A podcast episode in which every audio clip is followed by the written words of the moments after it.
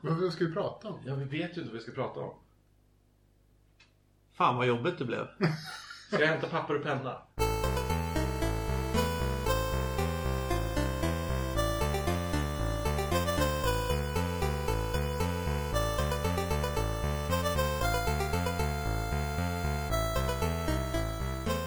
Hej och välkomna till fjärde avsnittet av Fuckpot med mig Ivan. Och Magnus Edlund.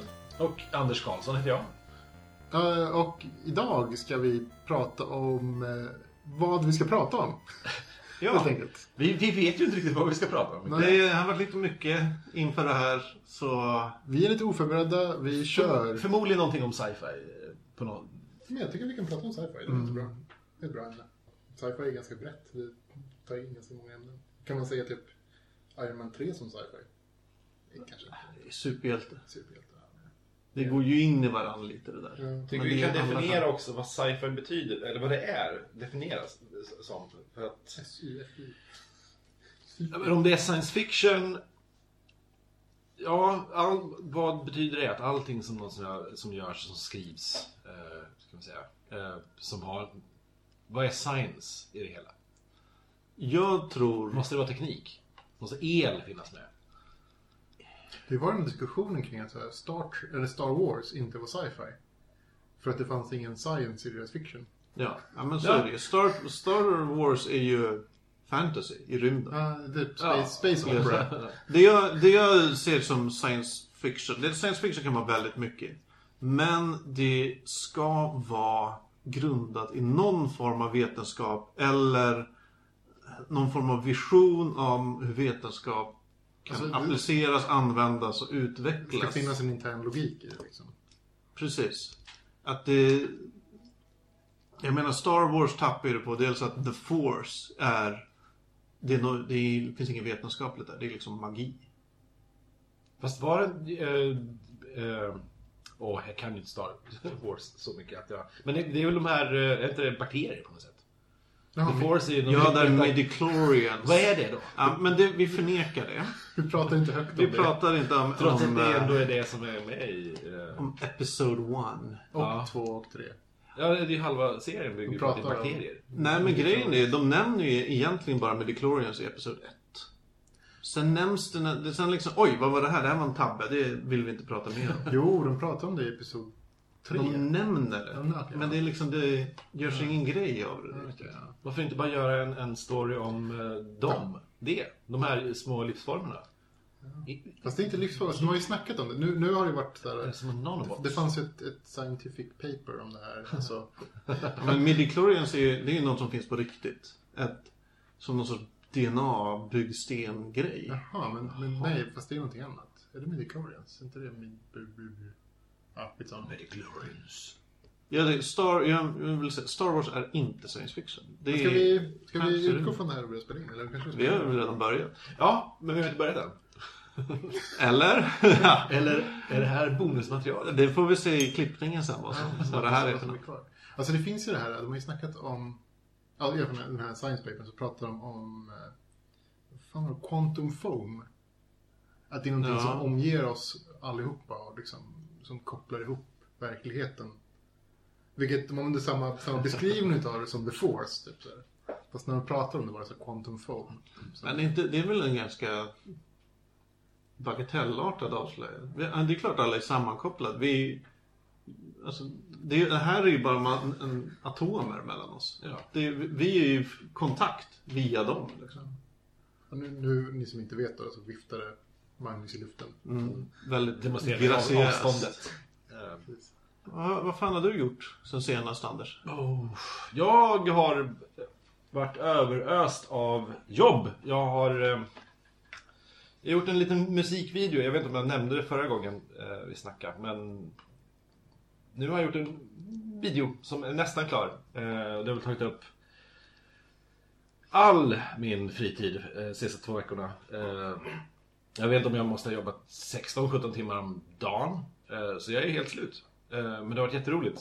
Eh, I alla fall. Det blir jätteroligt.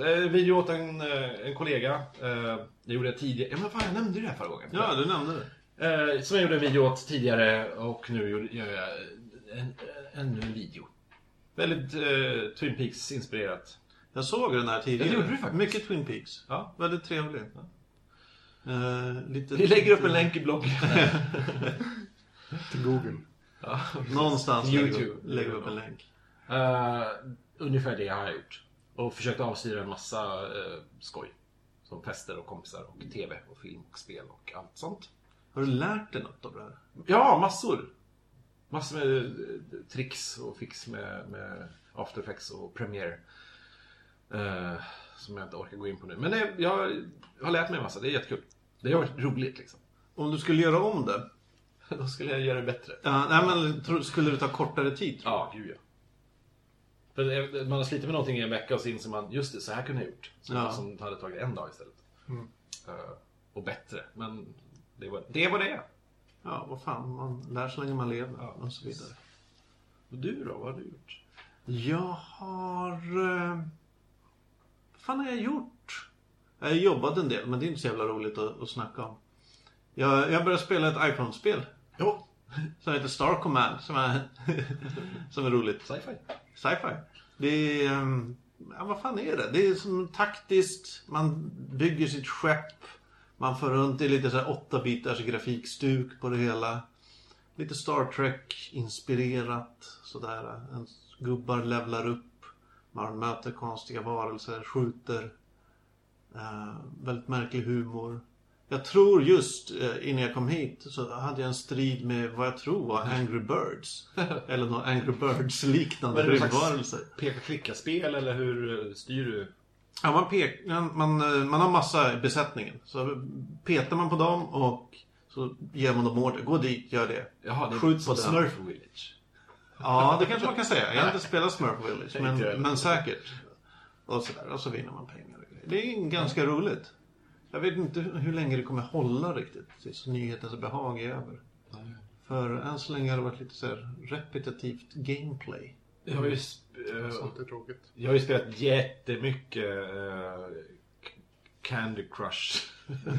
på, på alla tänkbara plattformar. Eh, det är helt vansinnigt. Man blir helt... Det tar så mycket tid. Också. Ja, den fällan har inte jag gått in i. Än så länge. Jag spelar också Candy Crush faktiskt. Ja, Det är kul. ja det är det faktiskt. Det är så fin förstörelse. För roligt. Man sitter... Nej, alltså. Jag tycker det är ganska lagom. Så här, man har sina fem liv och det, det tar ungefär så lång tid som jag orkar spela. Sen så när de är slut så orkar jag faktiskt inte spela mer. Fast nu börjar man få liv av kompisar och så att nu är det Ja. liksom så här sju, åtta liv. Ja, fast jag sen- brukar inte riktigt... Jag, jag kör mina fem och sen så får det vara. Men ja, ibland så kör jag ett extra liv liksom, när det går lite för snabbt. Man sitter ju ofta på toa måste jag säga och Tunnelbanan vet Ja, jag. tunnelbanan eller toan. Eh, Men annars, jag var obsess. Fick blindtarmsinflammation. Det gick över. Jag Spännande. har aldrig hört talas om att det går Nej, jag har inte heller det. det är, du är ett unikum. Det är ett unikum på så många sätt. Eller Jag så har läkarvetenskapen marscherat ja, jag framåt. Sen se- senast jag hörde om Jag, jag var liksom inte så illa ute. Det var lite inflammerat bara. Sen så gick det ner. Okej. Då fick jag gå hem. Jag hoppas den inte bara exploderar här man nu vet och du segnar ihop under Man bordet. vet aldrig. Eh, Så det var en dag där. Det var tråkigt. Jag spelade jättemycket Candy Crush. Jag läste ut en bok jag fick av Magnus. Oj. Bra bok. Så jag rekommenderar den. Den var, heter eh, Embassy Town. Utav uh, China, China Mieville. fantastisk författare. Det handlar om eh, språk. Det var den boken handlar om. Den var faktiskt väldigt bra. Det är intressant. Det är ett intressant koncept. Tanke kring vart gränsen går mellan språk och medvetande. Och skillnaderna däremellan. Sci-fi också förresten. På Sci-fi. tal om det. Eh, rymden. Det, det, är liksom i rymden utspelar sig med aliens. Fast det, det, det går man aldrig så djupt i. Utan det som går riktigt djupt är ju det här liksom språkanalysen och tänket så här. Hur, hur funkar det? Hur uppfattar vi språk? Liksom, vad, är en, vad är en simili, alltså en liknelse och vad är en, ja, och så vidare. Mm. Man går liksom in i hela den här uh, tankeprocessen kring språk och uppfattande och medvetande. Uh, skönt att läsa en bok som bara var en bok och inte en serie böcker. Det gillar jag också numera. Och tråkigt. Man vill fortsätta. Man vill ha mer. Nej, men man vill ha, nej, men jag vill ha mer karaktärsutveckling. Nu var det ju så att karaktärerna inte var så pass, in, så pass likable att jag ville följa dem så jättemycket mer än vad jag gjorde. Eh, egentligen. Utan det, det räckte så här liksom. Det var, Men det är lite som att kolla på en film eller kolla på en tv-serie tycker jag. Det är, man, man, när den är riktigt bra så vill man ju ha mera. Mm. Och då är det synd när det inte finns mera.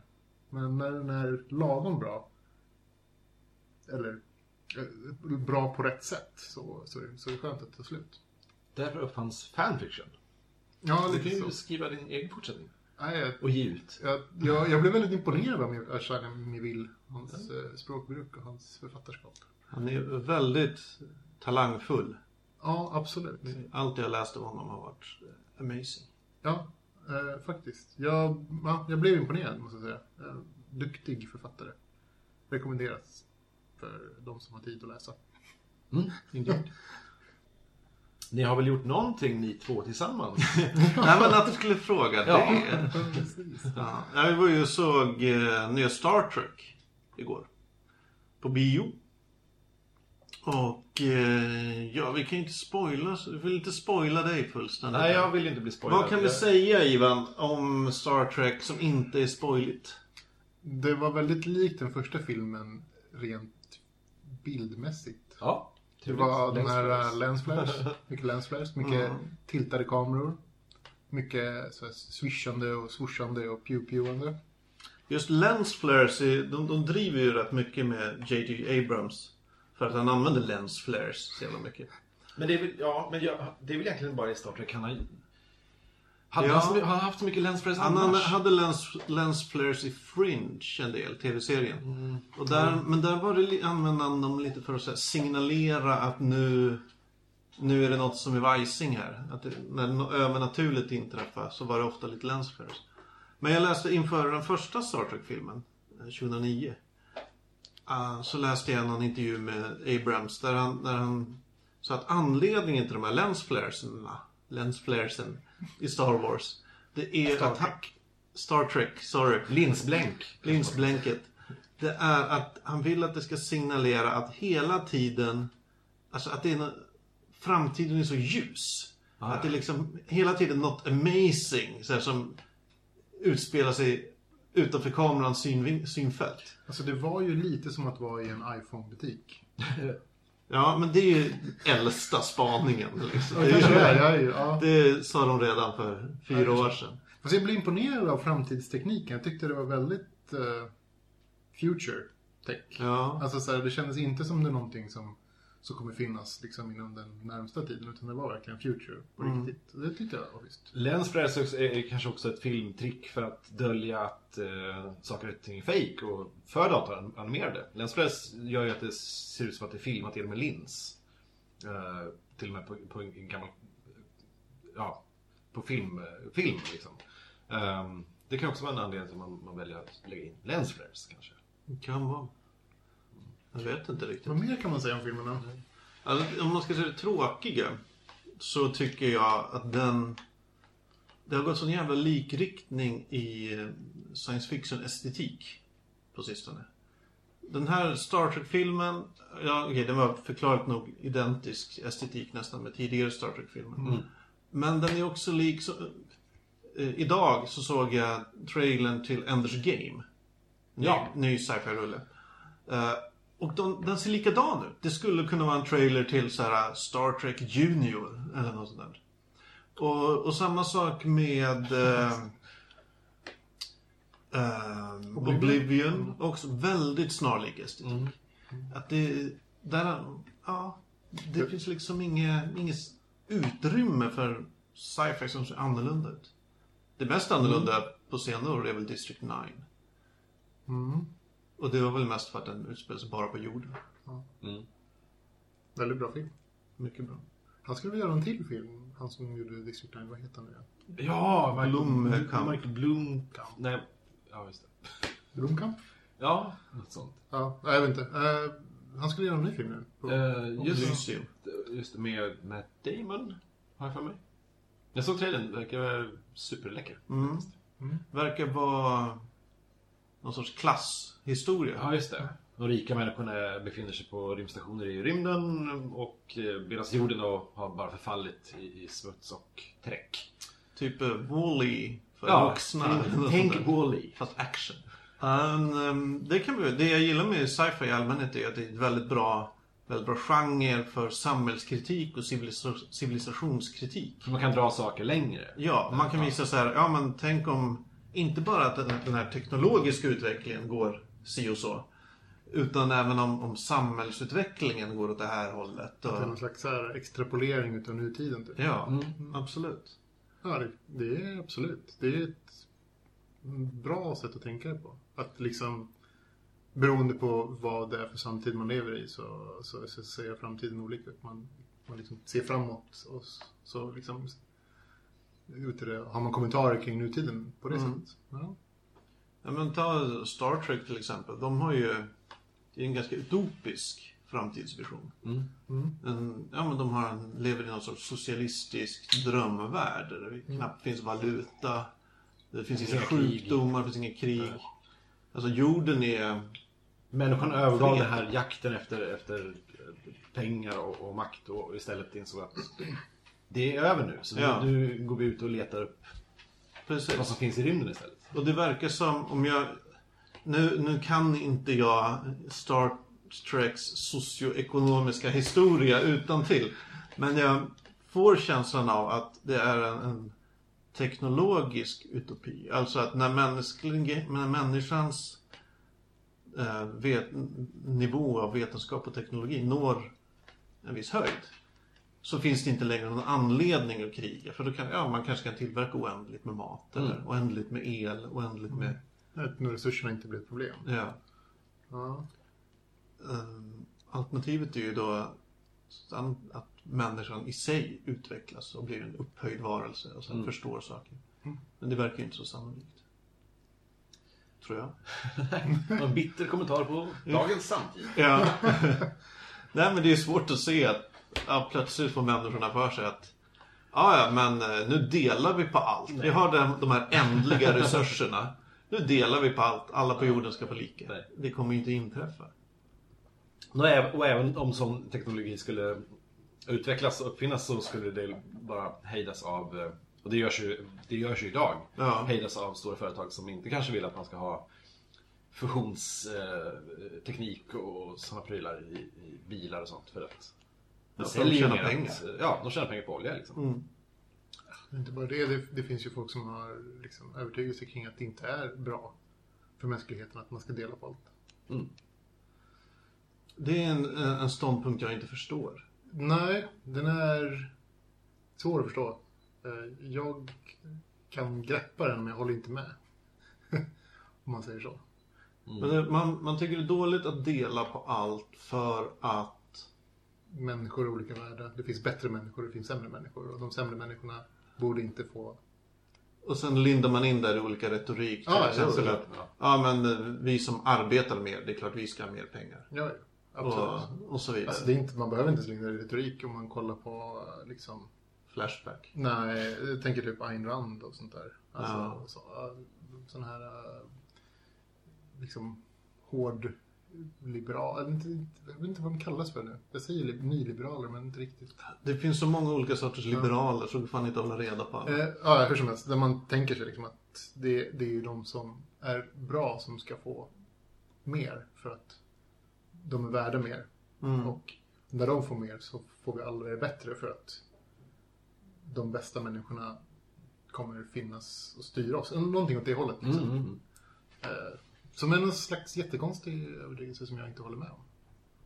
Men tyvärr är det det vi ser i världen idag. Menar, Eh, Det, är väl, det har väl blivit populärt, en populär åsikt.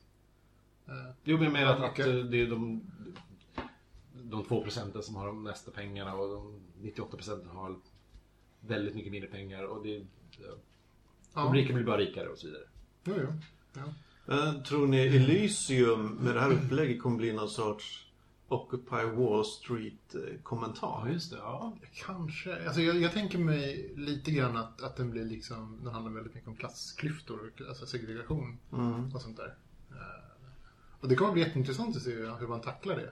Eh, Det, det har ju gjorts inom sci-fi. Eh, Andra, om man tänker, om du har läst Battle Angel Alita, Ja. så var det ju samma grej där liksom. Det var de som, liksom, de som bodde i eh, eh, Tifares, som var den här stad, flygande staden. Just det, du kommer till och med ihåg vad det hette. Det är inte jag. Eh, och sen så liksom kastade de sina sopor ner på sopberget, soptippen där, där de andra människorna bodde som tog hand om det där. Liksom. Mm. De visste inte vad som fanns där uppe och de där uppe visste inte vad som fanns där inne. Oj. Där nere och det var liksom ingen, ingen liksom, det var total så här, skilda samhällen som, som hade knappt någon kontakt med varandra. Total segregation liksom. Jag är lite pepp på den filmen, kan man ju säga. Ja, Men det återkommer vi till när vi pratar. Jag tror att jag, det gick intressant. Alltså han, han gjorde ju, vet du det, eh, District 9 var ju fantastisk. Alltså Mycket, så här, mycket bra. fantastisk tycker jag. Alltså riktigt Mm. fantastisk. Nu har jag en annan koppling till det här med sydafrikanska så här, eh, liksom, Ja. hela den grejen. Jag att mina föräldrar bott i Sydafrika och jobbat med hjälporganisationer och sådär. Så, så hade jag en koppling till, till helt tankegångarna. Till exempel det här med att det kallas för District 9. Det, var, det är typ som en liten blinkning till District, District vad är det, 6 eller 7, jag kommer inte ihåg vad det heter. Mm. Eh, så där man flyttade på svarta människor som bodde i ett område i Cape Town. För att de blev först tilldelade det området som var liksom ett sunkområde. Eh, Och sen så växte stan och då började det liksom hamna närmare och närmare stadskärnan rent geografiskt. Och då flyttade man på alla människorna för att man ville komma åt marken. Och det är precis det som händer i filmen. Det, är- det är en referens jag fullständigt missat. Ja. Eller till, till exempel att eh, huvudkaraktären heter van der Merwe Ja. och är typ dum i huvudet. Typ en klantig hjälte. Eh, och van der Ja, just Merwe, det, var ju... Ja. Ja. Mm. van der Merwe är ju en, en klassisk så här, skämtkaraktär som typ Bellman. Jaha. Fan. i sydafrikanska skämt. Då säger man typ så här, "Ja, det var typ en, en sån, en sån och van der Merwe liksom. Så, de, så, här, och så, så händer det så här. Men det är precis som Bellman, typ så här, det var en, en sån, en sån och Bellman. Intressant. Så, det så att det var... ett helt ytterligare så- lager till Ja, så det blev liksom så här, jag tyckte att det var så många grepp. Så här, eller till exempel att de svarta människorna, att de svarta människorna, eh, så deras kommentarer kring, kring aliensen var precis samma kommentarer som vita människorna hade, de svarta människorna, man Mm. kollar på så gamla filmer från 50-talet och 60-talet. Mm. Alltså väldigt, väldigt alltså, bra, roliga saker. Som, som verkligen gav mig mycket mer smak. Är det något jag ska kritisera den filmen för? Ja, det gäller ju nästan all science fiction, eller väldigt mycket science fiction. fiction. Det blir, eh, det blir så jävla lätt övertydligt. Alltså det är så här att, ja, vi förs- Alltså apartheid-budskapet på något sätt är ju så tydligt att det känns som någon bankar den i huvudet med en hammare. Mm. Och det känns väl kanske som att Elysium kommer bli likadant fast ur ett klassperspektiv. Men jag tror det behövs. Den tydligheten behövs också. För att det största antalet kanske filmtittare som ser den här för att det är en fräsig science fiction-film Mm. ser ju inte film på samma sätt kanske och, och eh, har ett annat, har ett, annat, ett annat öga för det. För de, de, de tycker det är superfräsigt att, det, att det, de kanske kan skönja sig en, en liknelse där. Ja, så kan det ju vara. Medan vi tycker att det är in, in our face. Jag tänker också så här, när man drar en, en, liksom en, en nutid längre, alltså man liksom extrapolerar den längre och längre bort, så blir ju den här, den här biten som du drar i, som du vill liksom visa upp, blir mer och mer tydlig ju längre man drar det. Att det alltså just i science fiction, så liksom, om, om du vill ha en kommentar kring en samtid så blir den ganska extrem för att du tar den idén liksom går vidare med den så långt Mm. att den blir så extremt tydlig. Ja, Jag, jag, är- jag är jättesugen på, den nya, på hans nya film. Mm. För att, men jag, det var för att jag blev så imponerad av hans förra. Trailern har ju blivit superhypad på, på nätet. Eh, Jag har inte är sett som den faktiskt. Oj! jag, se. ja, jag, jag, jag är kluven. Och jag gillar ju Matt Damon, Damon jättemycket också, måste jag erkänna. Så att, men bra. Har ni sett dem med Defiance förresten? Nej, jag har lagt ner. Ja. Jag, jag har officiellt nej. Ja, jag, har, jag tror inte jag heller kommer fortsätta se. Eh, Var det, så- så, var det sågningen från vår förra podd som, som slaktade den för hårt? Nej, men jag slog igång eh, avsnitt två och ku- kunde inte bry mig mindre. Nej, jag med. Ja. jag bara, jaha, Nej, där är det var- de. Nej, jag orkar inte det här. Eh, Jag Nej, gör det något var- annat istället. Trist att det ska vara så. Det kanske Ja. blir jättebra. Ja, Jag, jag såg någon eh, artikel på Ion 9 Mm. om så här, säs- avsnitt 4 eller vad det var. Och så ah, och nu blev eh, Defiance jättebra. Och då säger jag så jag har väldigt svårt att tro det. Väldigt svårt att tro det. Och ska jag se två värdelösa avsnitt för att få kanske ett bra fjärde avsnitt? Det är inte så mycket ändå. Det är inte Det- så att vi se fyra värdelösa säsonger. Nej men det är som när vi, när vi Nej, pratade det gör- om eh, Deep Space Nine igår. Nej, Voyager. Voyager och det var, det blir bra i säsong 4. Och det är så, ja men det, det är liksom 60 avsnitt, 60 timmar jag måste titta för att ta mig Jo, dit. fast det är- ligger ändå någonting i det. För man, man är ju ändå så här som att man säger till folk att eh, se den här serien och de börjar se på den och så säger man ja men det är okej. Men du, ja, men du anar inte. Du, säsong tre, allting bara vänder. Du måste se fram till det. Och folk kämpar på och ser ändå fram till det. Men Det jag kan blir jag inte ens- göra om, om serien har hyggligt bra. Ja. Det, så inte kan jag göra det. Dåligt, nej. In, inte om det, man, jag har försökt kolla på Original Series, Star Trek. Det, På, det är svårt att titta på. Alltså. på Netflix. det... är jättesvårt. Man, jag känner jag kan inte ens riktigt ta till mig det här kultvärdet. Att det, det går inte. Sättet Star Trek, det är Ja. Ja. Men om man ska titta på Star Trek Original Series. Eh, sättet man ska göra det på tycker jag är så här att man ska skita i skådisarna och skita i scenografin och skita i allting. Förutom liksom idén bakom avsnittet. Så man borde kunna var- läsa äh, bara synopsis av Typ varje egentligen skulle man kunna läsa så. För det är alltid ganska så här, Ja. bra idéer. Man tänker sig att det här var gjort, när var det gjort? 60, 70? Ja, 60-talet. 60. 68, 69. Ja, 16, 69. Eh, så idéerna de har är ju, alltså, de, det känns, alltså nu känns de ju ganska gjorda. Men då, alltså om man, om man tar det tillbaka till den tiden så var det väldigt nytt och väldigt liksom, spännande. Bara det här med att de hade liksom en, en multikulturell besättning varav en person var ryss liksom. Mm. Också väldigt in your face. För att Ja. var väldigt, alla var verkligen olika. Ja, och att liksom en, en svart officer som med i The Bridge, nu var han ju kommunikationsofficer och fick svara i telefon typ som en, som en annan sekreterare. Men ändå, det var fortfarande liksom nytt. Ja, men det och förstår jag väldigt absolut. stort. Och det, det, är- det är där, tycker jag, storheten ligger. Och sen så finns det ju det här liksom, det finns någon slags kultvärde med de här one-linersna, men, men det räcker med att kolla på filmerna för att få det. Man behöver inte se av så här, alla, alla Star Trek-avsnitt. Det, fanns ett, det finns ett par avsnitt, de här med Lieutenant Pike till exempel. De är bra faktiskt. Eh, Men alltså, det finns mycket Trek att gå igenom. Det gör ju det. Hur mycket Aha, finns jag skämt, Vilket skämt jag gjorde. Trek? Ja. Fantastiskt. Hur, hur, hur många säsonger gjordes då? Första? Tre bara. Inte mer? Nej, Men det var hur många avsnitt per säsong? tio. Det är inte jättemånga. Jag blev också från. Det är faktiskt inte jättemånga avsnitt. Nej, alltså det är typ 30 avsnitt totalt. Det, alltså, serien lyfte ju inte förrän, förrän de gjorde filmen. Och de, de gjorde ju filmen för att, var det Paramount? Som ville ha en, en konkurrent till Star Wars. Mm. Så då tänkte Då de, hade de rättigheterna till Star då hade de Trek. rättigheterna till Star Trek sen, sen 60-talet liksom. Eh, och då ville de, ja men vi då så satte vi pengar på det här liksom, då gör vi det här. Och det hade väl någon slags alltså kultstatus då. Eh, men inte så stort. Eh, och då la de ganska mycket pengar på det. Och gjorde den första Star Trek-filmen som en slags 2001-pastisch med väldigt mycket svepande bilder över The Enterprise. Extremt mycket. Alltså det är typ 15 minuter svepande bilder med, alltså i början på Enterprise. Jag såg alla Star Trek-filmerna förra sommaren. Jaha, det För- var i streck så? Ja, i sträck. Ja. Och ja, men det är ju som du säger. Det är liksom pornografiskt i hur de visar Enterprise. Mm.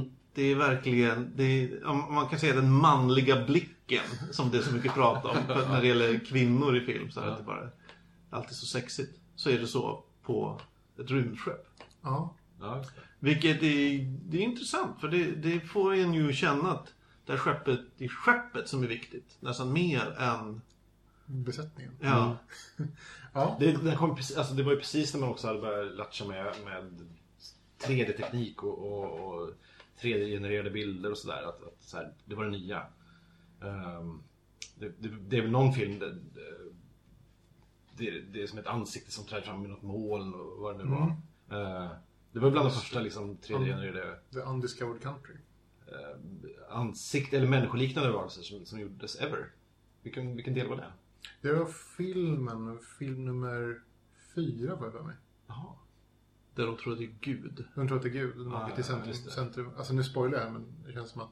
Denna, Jag spoilar en film för som extremt gammal. Ja, det, de åker till mitten av eh, galaxen. Ja, just det. Galaxens medelpunkt för att de har fått något slags sam... Alltså, de tror att de har kontakt med Gud fast Det är någonting annat. Vilken är valar och Spock och, och genomskinligt? Det är ju... Femman, va? Ja, okej. Ja, är det femman? Ja, det är väl femman. Search for Spock. Nej, Nej, den heter... Vad fan heter den? Åh, jag kommer inte ihåg vad den Jag kommer inte heter. ihåg heter. Det valar. Ja. Det, det skulle jag vilja säga är den bästa Star Trek-filmen. Oj! Ja. Jag gillar den. Alltså utom, förutom de nya. Mm. Eh, Men den, jag tycker den är, den har en Star Trek-känsla som de andra saknar. Mm. Eh, om, man, om man kollar på Star Trek, nu som sagt det är väldigt svårt för mig att titta på Star Trek, för jag håller på att dö när jag tittar på det. Men när jag tittar på det så känner jag, det är ju oftast, det är oftast inte så här att det är en ond skurk på det sättet. Utan det är mer att de kommer ner och så är det problemen och civilisation och sådär. Eh, det är inte alltid att det är en, evil mastermind som ligger bakom saker. Som det är många, blev i många Star Trek-filmer. Det, det är ändå ganska kul att Star Trek har varit väldigt framåt i sin liksom, vad heter det, beskrivning av framtiden. De, de enda, så alltså Star Trek har ju förändrats i varje, varje säsong de har gjort det, varje serie de har gjort. Om man kollar på första serien så var det liksom, det stora där var ju att det var liksom en, en multikulturell besättning av folk och, och kvinnor var med liksom i bestämmande kedjan och så vidare. Det var ju stort då, men, men samtidigt så är det ju extremt misogynt med typ kort, korta kjolar på tjejerna. Det är liksom officiella uniformen är typ miniskirts. Ja, alltså mycket sånt. Vilket de har behållit i de nya filmerna. Ja, för att det ska ju vara någon slags äh, blinkning tillbaka till de gamla filmerna. Det här är därför de har behållit det. Fakt, alltså jag skulle kunna tänka mig att det är det, för om man kollar, på, om man kollar vidare på serien så är det så att i The Next Generation så ändrar de till exempel på deras värdeord, vad man ska kalla det för.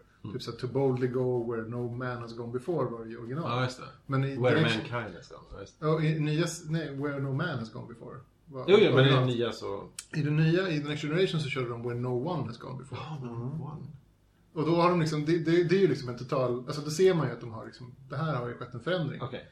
Plus att de blir väldigt mycket mer måna om, om liksom att ha en, en genusneutral besättning till stor del. Eh, Till större del än vad de var i, i, i Original Series. Och typ kläd, bekläd, klädseln och sådär. är Mycket mindre liksom De har mer byxor. Ja, kvinnor i byxor liksom, Ja. uniformer. Och, ja. Men det jag tänker även i, i The Next Generation så är, är det ju... De har ju inte gått fullt ut. Nej, Det nej. är, till Men- exempel den kvin, de kvinnliga befälen har ju, är oftast lite såhär medical officers. Och så är hon någon jävla tantra-guru. Ja, det är deras typ, ja, eh, psykolog. Ja, att det är lite såhär mj- mjuka värden. Jo, absolut. Men, men det, här, det här var 80-talet liksom. Du får jämföra med andra saker på 80-talet. Och då är det fortfarande ganska progressivt Mm. för att vara 80-tal. Sen så kommer vi vidare om, om vi går till nästa steg som är Voyager och Deep Space Nine. Då tar vi ju nästa steg de hade i Deep Space. I Voyager så har man ju en kvinnlig eh, kapten till exempel. Som är extremt eh, kapabel liksom. Och väldigt duktig och sådär. Och sköter saker och har liksom det bestämmande och, och sånt där. Och det, det, där har vi liksom, det är nästa steg så här, i, i den här utvecklingen. Mm. Eh, Och sen så, ja, samtidigt, de, de, de sköt, jag tror det var Deep Space Nine som kom först i och för sig. Eh, Det är inte så mycket resande, där, där är de ju i en, i en Rymdstation. rymdstation. Som tyvärr tappade Deep Space Nine ganska mycket för att den, kom, den gick ju samtidigt som Babylon 5 som har ungefär samma utgångsläge. Man var i en rymdstation och man ska liksom ha någon slags diplomati med olika raser och krig och, och så här, hotet från... Fast jag vet inte om den tappar riktigt. Jag tycker ändå det är, det är två väldigt olika serier. Alltså, jag tyckte Babylon 5 var bättre. Mm. Det var mest det. Och då kändes, då kändes Deep Space Nine lite taffligt när man kollade på. Ja. Tyvärr.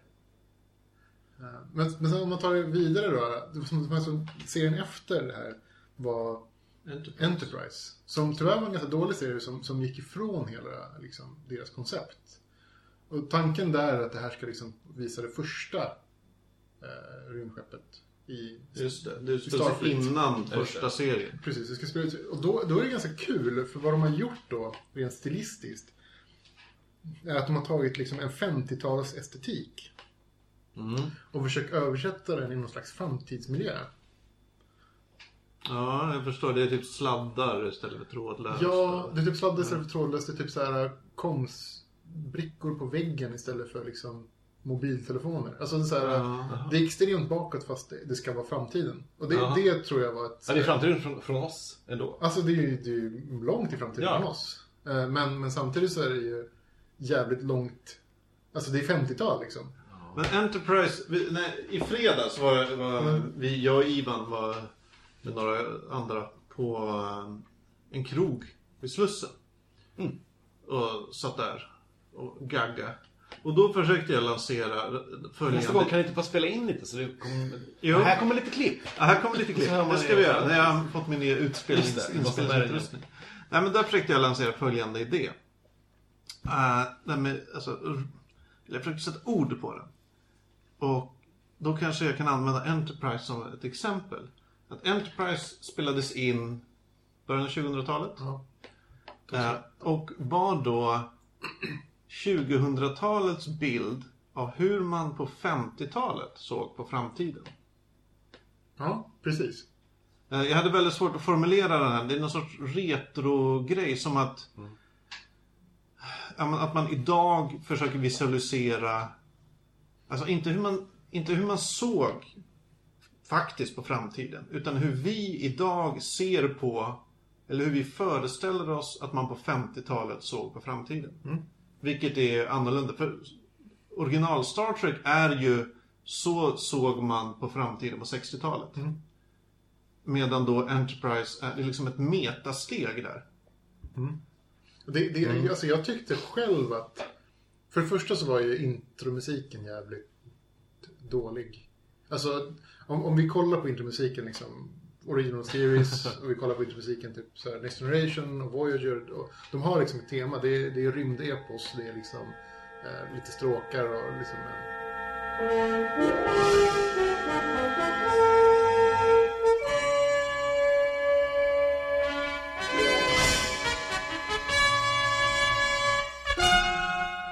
Och sen och Enterprise. Enterprise. Och då var det helt plötsligt en, en typ country-sång.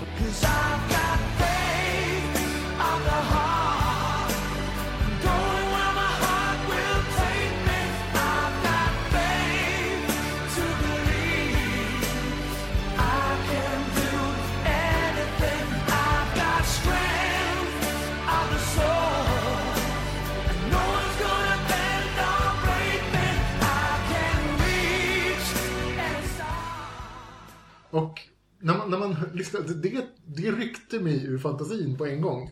Det var liksom så här, det här är inte Star Trek, det här är någonting annat. Men jag kan titta på det ändå för att det är sci-fi, jag gillar rymdskepp. Eh, och sen så var det hela den här grejen med typ så okej det här är det här är liksom 50-tal, fast det är framtiden fast det är 50-tal. Det är liksom omålade eh, metallväggar för att det ser ut som en ubåt liksom. De åker omkring, vad som verkar vara en ubåt. Plåtlådor, En plåtlåda liksom. Men, men det är framtiden. Fan, Vem fan skulle åka en plå- plåtlåda i tio år? Mm. Det är bara måla. Hänga lite mattor, strö lite kuddar. Gör det lite mysigt. Det enda bra med det introt ehm, är i en del avsnitt mot slutet av se- serien. När de vänder på allting. När allting är ont och mörkt. Och de, de byter ut musiken helt. Och byter ut introt. Alla de här glada, framtids positiva bilderna när vi liksom, hur vi går in i rymdåldern.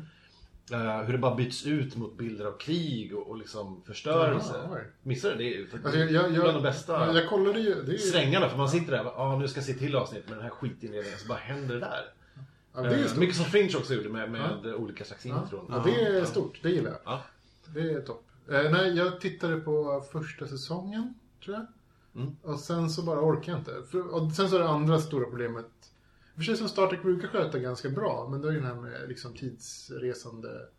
Det har jag så svårt för. Ja. Jag har svårt för nästan allt som är gimmicky med, med Star Trek. Att det plötsligt så går de klädda som gamla romare. Ja. Och så då, nu hamnar de på romarplaneten. Nu hamnar de på 20-tals gangstersplaneten. Nu hamnar de på riddarplaneten. Ja, men det, det, där är, det där är ett problem från säsong två i Star Trek The Next Generation. Det var extremt mycket sånt där och anledningen till det är, rent historiskt är för att eh, det fanns en, eh, det var en eh, skrivarstrejk. Ja. De som skrev manus strejkade. Eh, Och när de gjorde det så hade de inga avsnitt att, att filma, men de, måste, liksom, de hade ju en så här schema på att släppa avsnitt. Så då tog de gamla Original Series-avsnitt Är det sant? och filmade med, med den nya besättningen. Alltså redan existerande avsnitt som de har Nej, gjort men det Gamla kasserade gamla, kasse- gamla kasserade manus. Ah, okej. Så när man liksom, så, Ah, så, bara, så man, man kollar på så här, säsong två är så här, den klassiska liksom det här är så dåligt att det nästan är bra fast jag vet inte vad det här är för någonting. Eh, säsongen. Nu är det ju så att det är 24, eller de här 22 avsnitt per säsong så det kanske är ingenting man orkar med. Det är lite av... Kan man hoppa över säsong två? Absolut, det kan man. Jo, eller man kan kolla på de sista tre avsnitten. Det är väl det som är intressant. Ja, Första avsnittet och de sista tre, sen så resten kan man skita i. Mm. skönt. Men där var det mycket typ Gangsterplaneten och Roma-planeten. Det Och är så typ löjligt. folk i någon, i någon slags säckväv.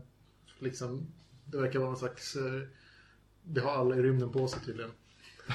Säckväv. Ja, billigt. Jävligt billigt. Men nu inte, är Star Trek er eh, favorit sci-fi? Anders? Åh, nej, det är det ju inte. Det är kanske plats fyra någonstans. Min favorit sci-fi är nog Best of Galactica, nya serien. Ehm, Varför? därför att den, den...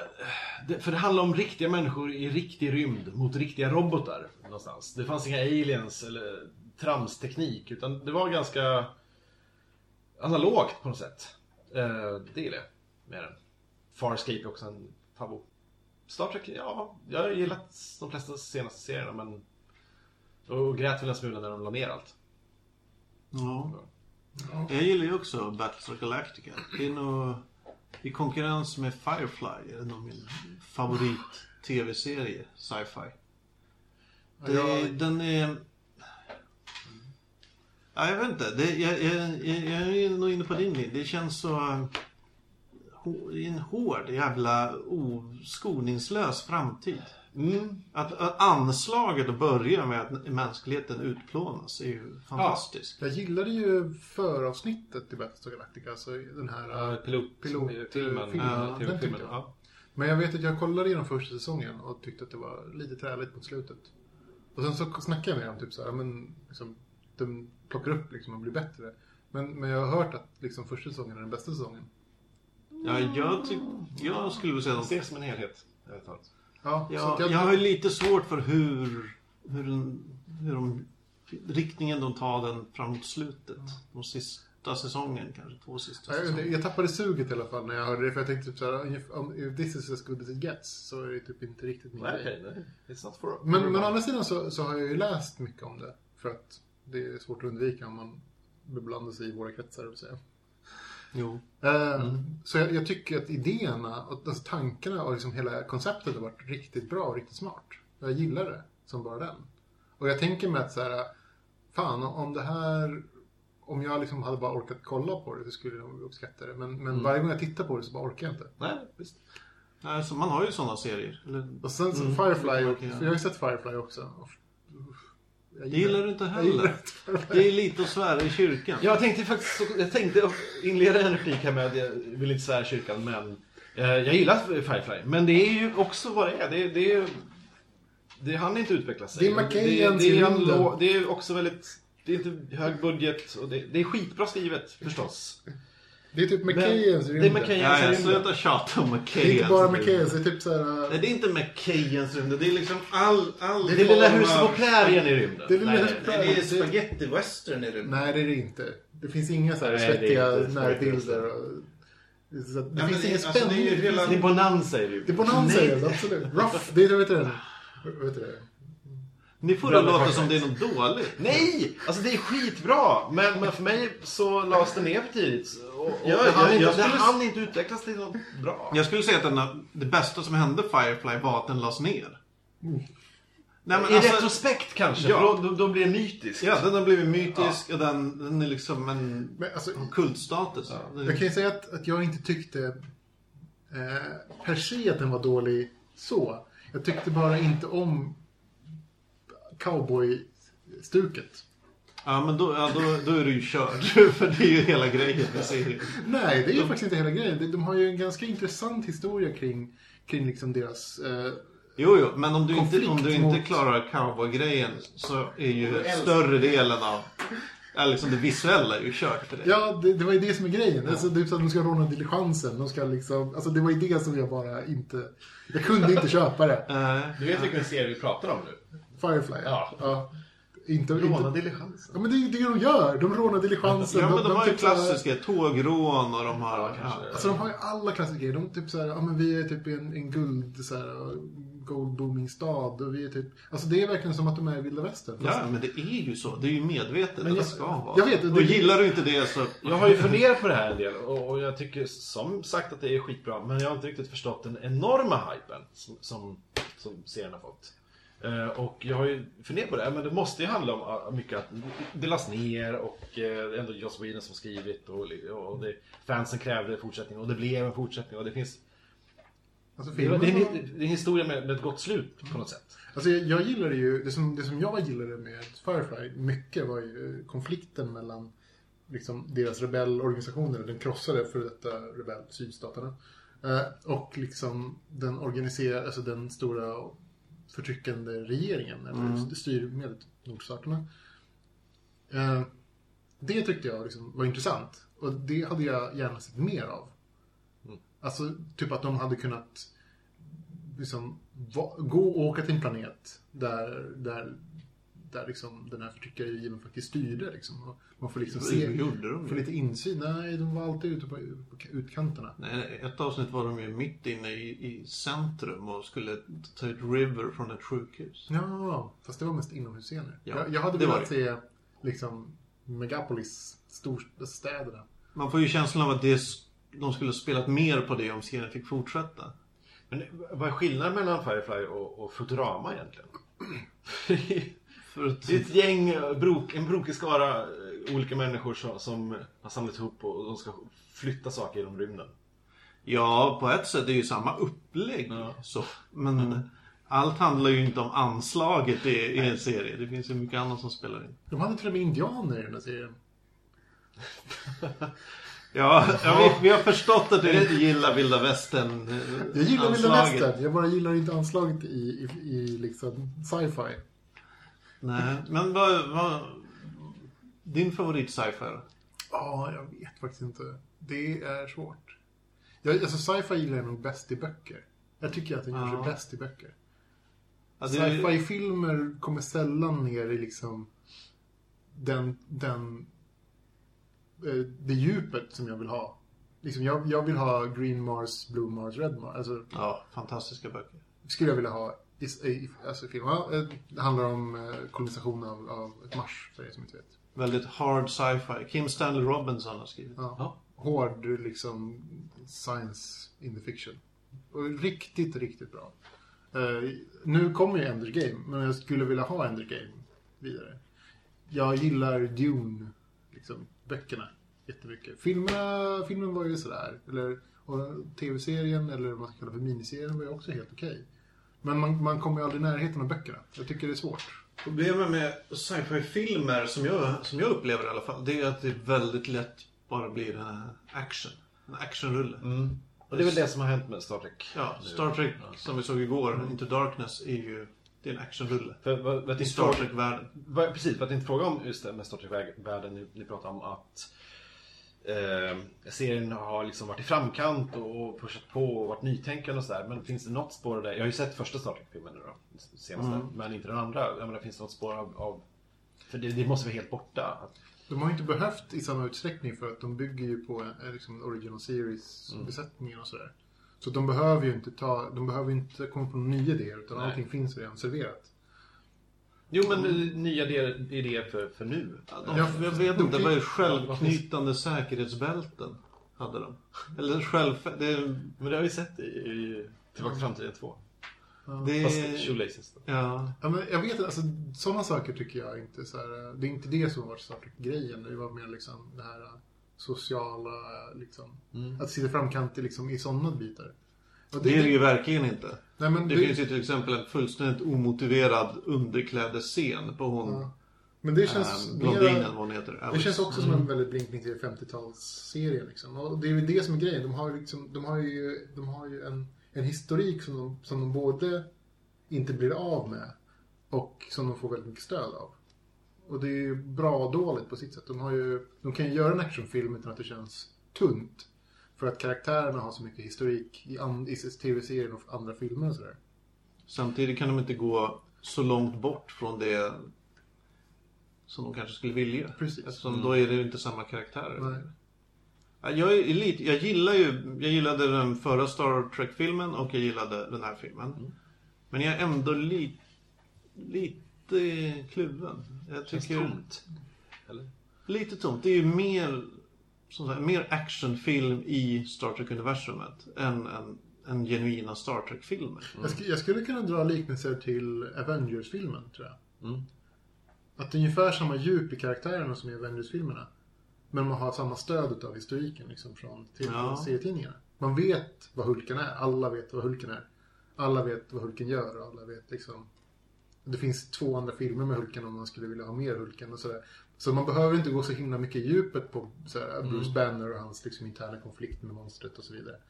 Eh, liksom, man behöver inte ha någon djupgående analys i, hans, i, liksom, i de olika karaktärernas samspel och så vidare. För det, Det finns gör- redan där. Det jag undrar, funkar den approachen när det gäller Star Trek i Sverige? Eftersom Star Trek aldrig varit särskilt stort i Sverige. Eller blir det då bara grunda karaktärer? Rakt av. Jag vet inte. Jag, jag har ju svårt. Jag, alla som jag pratar med har ju ganska mycket bakgrund liksom, i, i de här serierna. Man, man vet ju liksom vem Scotty är. Typ, när man säger Beam Me Up Scotty så är det inte så att vem är Scotty? Vad betyder Beam Me Up? Liksom? Frågan är, alltså Abrams är ju, tycker jag, en, en hejare på att bygga upp karaktärer. Eh, också. Jag menar som han gjorde i Super 8 till exempel senast. Som verkligen var en eh, berättelse om, om karaktärer. Det var riktiga människor som är med, intressanta människor.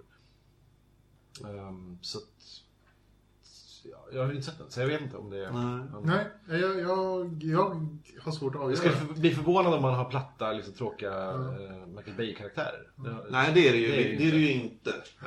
Men jag, jag skulle vilja höra hur någon som har, har liksom gemene man Star Trek-kunskap. Mm. Så man vet, ja, jag vet inte. Mm. Men jag till exempel skulle fråga min Ja, någon släkting. Så här. Ja, de- vet väl att Star Trek är något som existerar, blandar ihop det lite med Star Jag Wars. tror de brann har väldigt mycket med Star Wars. Ja.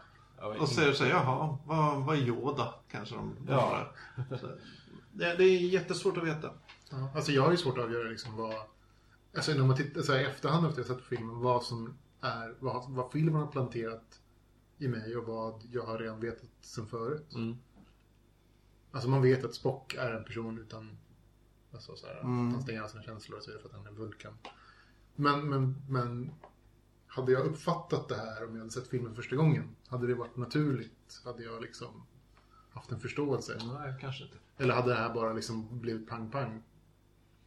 Ja, och sen varför har han eh, spetsiga öron? Ja, lite så. så. Vilket freak. Ja. Har gjorts några crossovers mellan Star Wars och Star Trek? Inte vad jag vet. Som har sett i, jag menar, Alien vs Predator och grejer. De, de gör ju ändå, det finns ju ändå sådana saker. Star det- Trek och Doctor Who har väl gjort Har det? crossover. I varje fall i serietidningsformat. Ja, just det. Ja, men där, där är det mer tillåtet. Jag skulle fundera om det fanns något avsnitt i Original Series, men ingenting jag kommer på. Nej. Mellan de olika Star Trek TV-serierna så har det varit mycket crossovers. Mellan dem? Ja, det har det. Mm, väldigt mycket. Något som eh, jag blir lite ledsen av ibland. När jag tänker, sitter och tänker för mycket. Det är ju på 60-talet. I, I USA kom Star Trek. Blev jättestort. Mm. I Storbritannien kom Doctor Who. Blev också jättestort. Ehm, på den tiden så hade ju SVT som tradition att bara sno koncept Ja. från utlandet. För ja, ingen hade någon koll. Varför var det ingen på SVT som kom på Fan, vi kanske ska göra en sån där populär science fiction-serie, rymdserie som, som går så bra i England och... Nej. Varför finns det ingen svensk eh, science fiction på den, med den digniteten? Alltså, det, Precis, vi pratade om det här förra avsnittet om svensk sci-fi. Eh, Ja, då pratar vi om post... Ja. ja, just det. Det gjorde jag. ja. Det var, det var jag som tänkte svensk sci-fi. För jag, tänkte direkt på eh, det, fem, det femte generationen. Hette en, en svensk SVT-serie på 80-talet. Eh, om en snubbe som, som eh, fick någon slags eh, kontakt med någon rymdentity. Eh, genom sin, sin, typ sitt modem, sin C64. Det var väldigt eh, low-tech allting. Som, som kommunicerade på något sätt med honom så han, han åkte upp till Kirunas S-range. Och eh, där han skulle bli uppskickad i rymden. Fantastisk svensk sci-fi som är helt glömd. Det måste, det måste finnas på Pirate Bay. Finns säkert. Öppet arkiv. Öppet, öppna arkivet Ja, kanske. ja. Det finns ju äkta människor det kommit upp på Ja. Den blev ju jättepoppis. Ja. Jättebra. Den var Fast det är ju nu. Ja, Vad, vad har vi liksom historiskt? Mellan- Aniara. Ja, Eh, fast det är ju liksom inte... Det, det är... Hade de kommit på ah, men vi gör en tv-serie av Aniara som går i... Men det gjorde de ju inte. Va- varför vill, varför är sci-fi så impopulärt i Sverige? För det är det ju. jag vet inte. Det har väl... Ja, säkert någon, någon. Det finns säkert en historisk anledning till varför det inte är så. Eller varför det inte blivit så mycket mer sci-fi. Än vad det är. Fantasy har ju varit hyfsat stort i Sverige. Ja, mycket tack vare Astrid Lindgren misstänker jag. Ja, alltså det finns många författare som där för rent historiskt liksom. Så här, större anknytning till småknytt än liksom aliens. För jag tänker även som, som billig underhållning så ses ju science fiction som... Alltså det är lägsta rangen av billig un- underhållning. Mm. Det är liksom, då är det ju mer att gå och se, fan vet jag, Snuten i Hollywood eller någon Arnold eh, Öst-film liksom. Att det är ändå mer eh, okej än att vara science fiction-fan.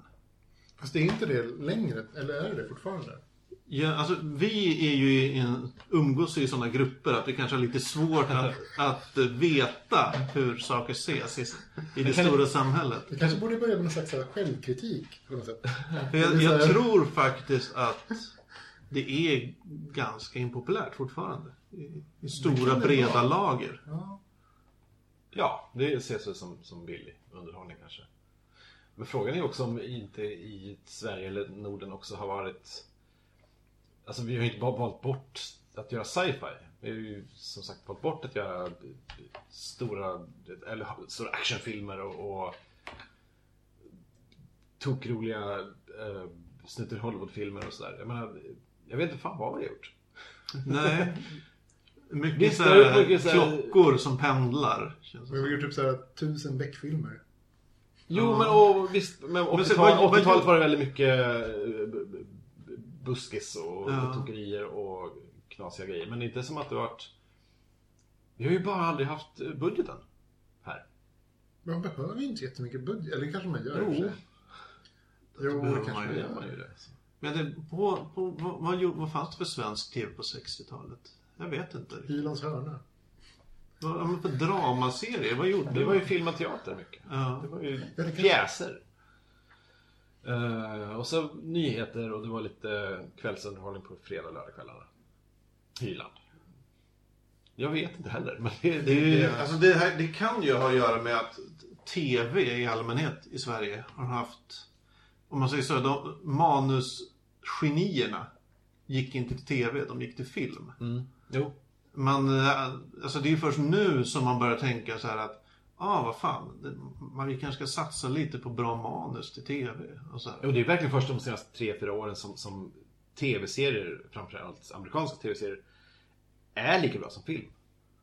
Det, Ja, så kanske såg man inte... ja, mer än tre år. Ja men det är Hollywoodskådisar som gör, ja tio år. Ja. Hollywoodskådisar som ändå gör eh, stora roller i filmer och sådär.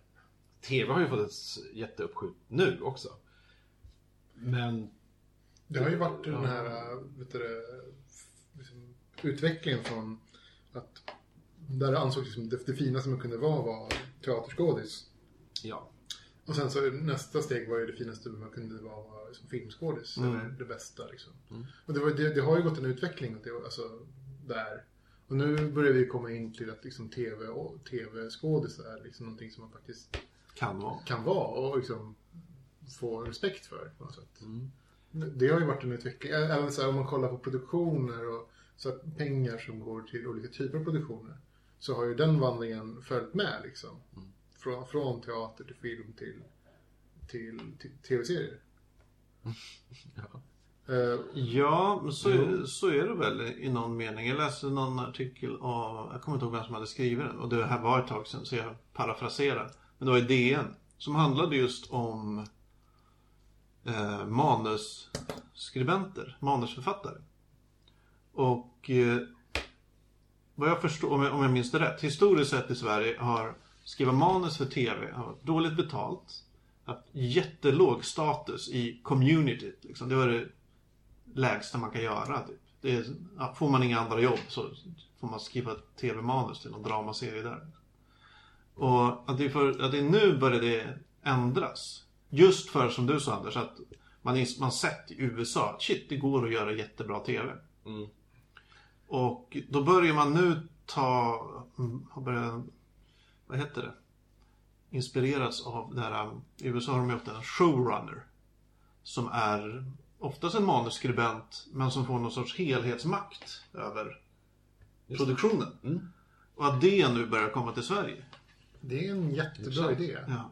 Vilket då förhoppningsvis kan leda till att vi får bra Jag kommer ihåg att, att när, när Babylon 5 var de här serierna som, som, som började med det. Att ha liksom en, en, en manusförfattare som också var inblandad i produktionen från start till slut. Ja, han var väl regissör, tror jag. Ja. Alltså, det, det, Babylon 5 är ju väldigt speciellt på det sättet att det är han Mi- äh, Michael Strasser, jag kommer inte ihåg. Eh, men han skrev, man, han skrev ju manus till typ ja, men säg 90% av alla avsnitt. Oj. Och regissera och var säkert direct, eller vad heter det, producer också i, i, i. Ja, det, och det, det, är- det märker man så tydligt i serien. För det är såna om vi ska prata så här story arcs, så är de så jävla genomtänkta. Går in i varandra och allt är så uttänkt och det finns inte så mycket självmotsägelser som... och det är väldigt långa stories också. Väldigt in, alltså inte invecklade men eh, väldigt eh, episka. Liksom. Man- känner att det, det tvärsar liksom en story kan tvärsa typ två säsonger. Ja. Eller tre säsonger. Mm. Och liksom väva in i varandra efter, efter väldigt många avsnitt. Och då, då, då känner man det här med att det har varit en, en, en enhetlig produktion från start till slut. Och om man jämför det med... eh, Jag kollade mycket på Doctor Who i höstas. En Väldigt bra serie. Men där är det ju, säg att det är... Jag kommer inte ihåg hur många avsnitt det är på en säsong. Säg tio, men det är säkert fler.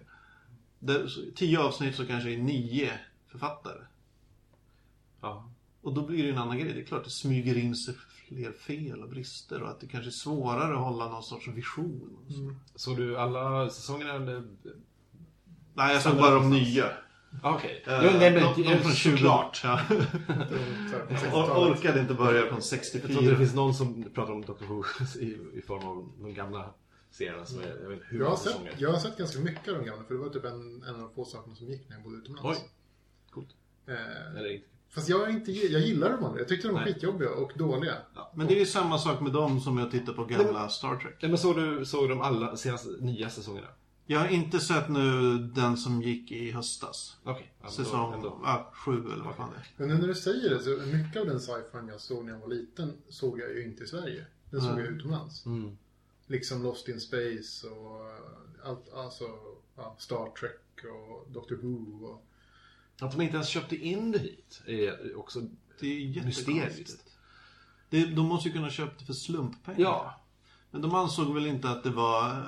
fint nog. Eller så, för TV kommer också lite från ett, ett utbildande håll. Det, väldigt, det, ska, det ska försöka vara fint. Mm. Eh, det var inte eh, frams och trams kanske så mycket eh, på 70-talet.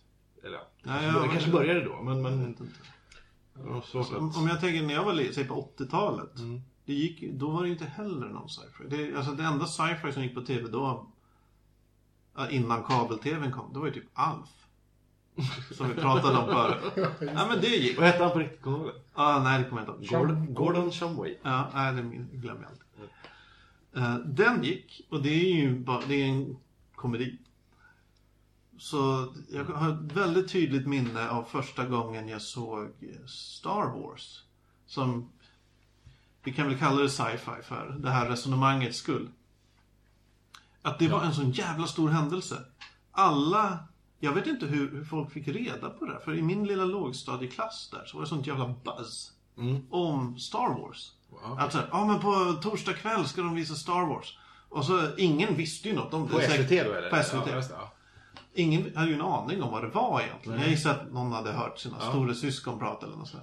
Så det blev ju sån stor, sån jävla mytbildning om det här, vad det var och så här. Ja, så finns det nå- nå- en robot som heter X-Vinge och så här, och som ska göra det och det. Den, den totala okollen man hade i lågstadiet är ju det- som gjorde så mycket magiskt på den tiden. Ehm, jag, ehm, jag minns när jag såg eh, på den här Titta jag flyger komediserien. Ja. Om en superhjälte som... som eh, ehm, eh, ja, han kunde flyga helt enkelt. Vad var hans grej? Han var väl Ja, men han det var stark också. Ja men typ Stålmannen fast inte. Nej, och så, och, så, och så var det något avsnitt där en, en rymdfärja hade kraschat på jorden och, och det var några, det var några rymdvarelser i.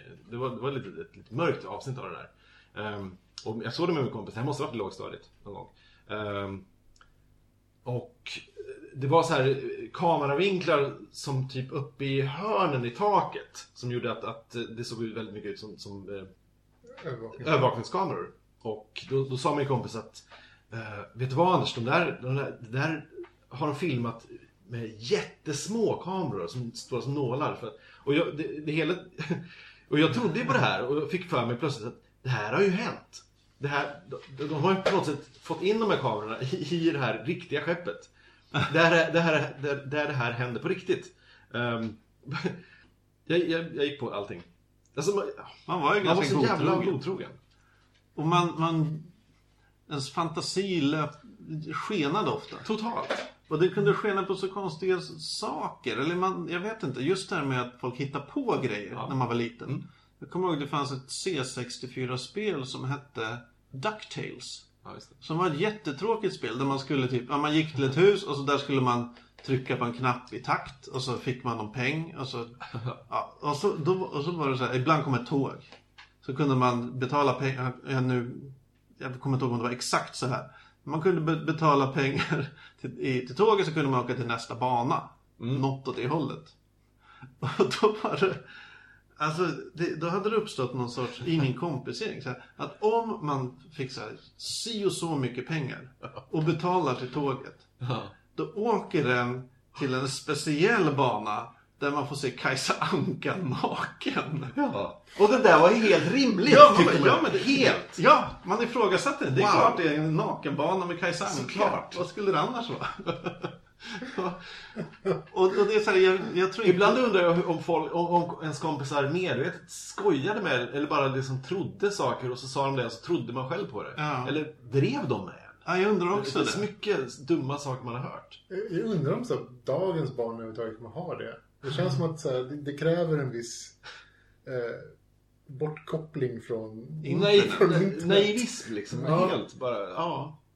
Det låter helt rimligt. Ja, det gick ju inte att googla en walkthrough till Nej. DuckTales. Det enda sättet kunde vara om du kunde åka till biblioteket och eventuellt hitta en bok Ja. där det här beskrevs. Vilket var Vilket 0% fanns inte. sannolikhet. 0%. Så köra Snope kan de inte göra det. Alltså så här, Nej. Ja, men kanske om det, jag vet inte om det fanns, jag läste inte datatidningar när jag var så liten. Nej. Men kanske det fanns så här, alltså de, Tips. det gick inte att, det gick inte att lita på. nej.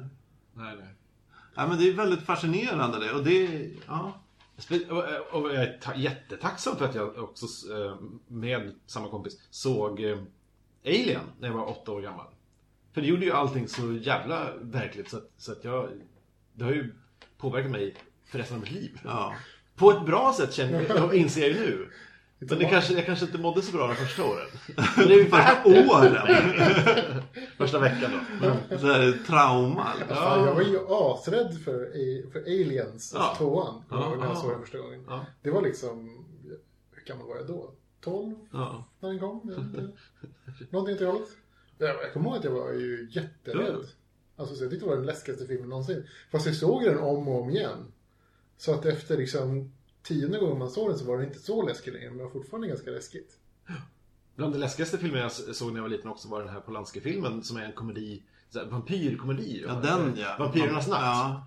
Det var det vidrigaste jag sett i hela mitt liv. Jag Man var så rädd. jag inte kunde, humor Jag kunde inte sova. Man fattar ju inte alls. Nej. Allt man såg var ju otäckt. Det otäcka, det, det tog Ja, man. det var Vilken Ja. är det? Är det den med... Vampyrernas natt. svartvit. Nej, det är en... Jo, eh, nej. svartvit. Ja, men jag tänker att den är svartvit fast den egentligen inte behöver vara svartvit.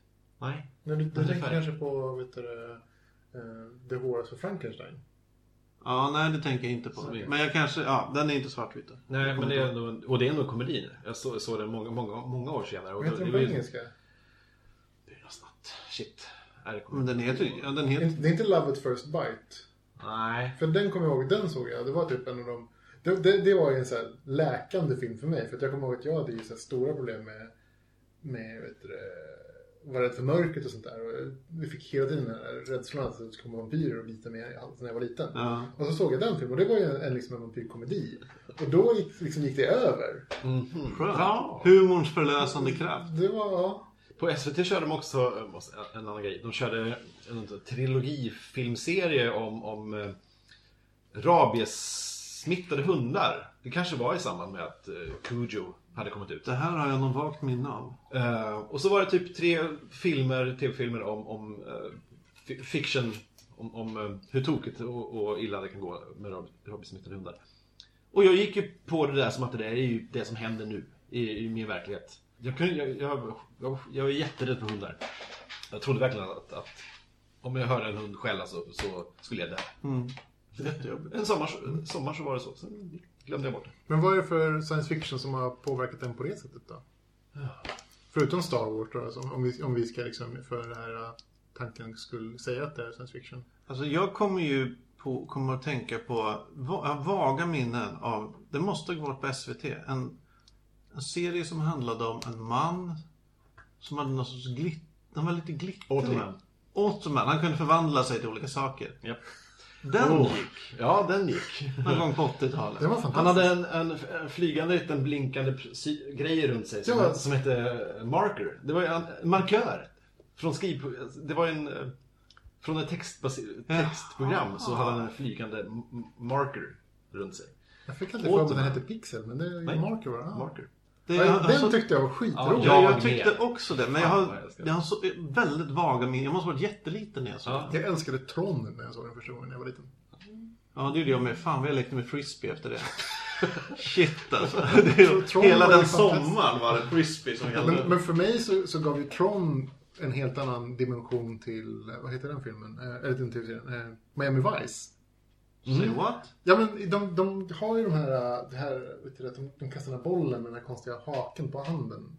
Fan den heter det. Ja. Ja, jag, fatt, jag förstår precis vad du menar. Eh, eh, vad, vad är cricket? Nej, vad, vad heter Nej, det där? De har, man har en stor hake i handen så har man en boll så, så skjuter man iväg. I intro till, till, till, Till Miami Vice, Miami fast- Vice så, så finns det Så där i finns- slow motion. Precis, och det var ju med i Tron-filmen. För mig var det typ så här, oh my god, det är typ samma grej. och så, så tittade jag jättemycket på Miami Vice på grund av det. Ja, ja. Eh, vet jag. Men Tron var ju en sån här stor, jättestor händelse. Och War Games. Som antagligen la grunden till hela mitt dataintresse. Mycket möjligt. Men, samma mycket här också. Alltså jag, jag, jag, The Next Generation och Picard har ju liksom färgat min, eh, mitt, eh, När började den? 96? 3? nej, Oj, det är tidigare. tidigare. 80 någonting. 89, Oj. 89 Jaha. tror jag den började. Så den började på 80-talet vet jag.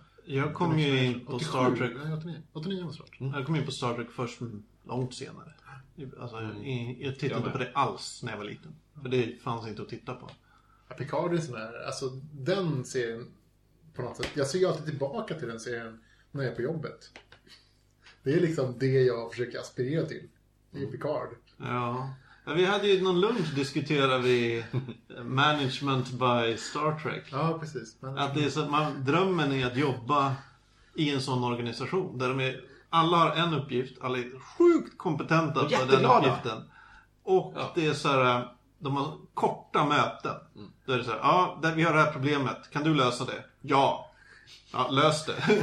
och så är det klart. ja, men det, är så här, det, är så, det är så schysst för att det är liksom, om man tänker sig lean management för er som håller på med sånt. Eh, Nej. Okej, ja, lean management går ut på att liksom, rätt person på rätt plats.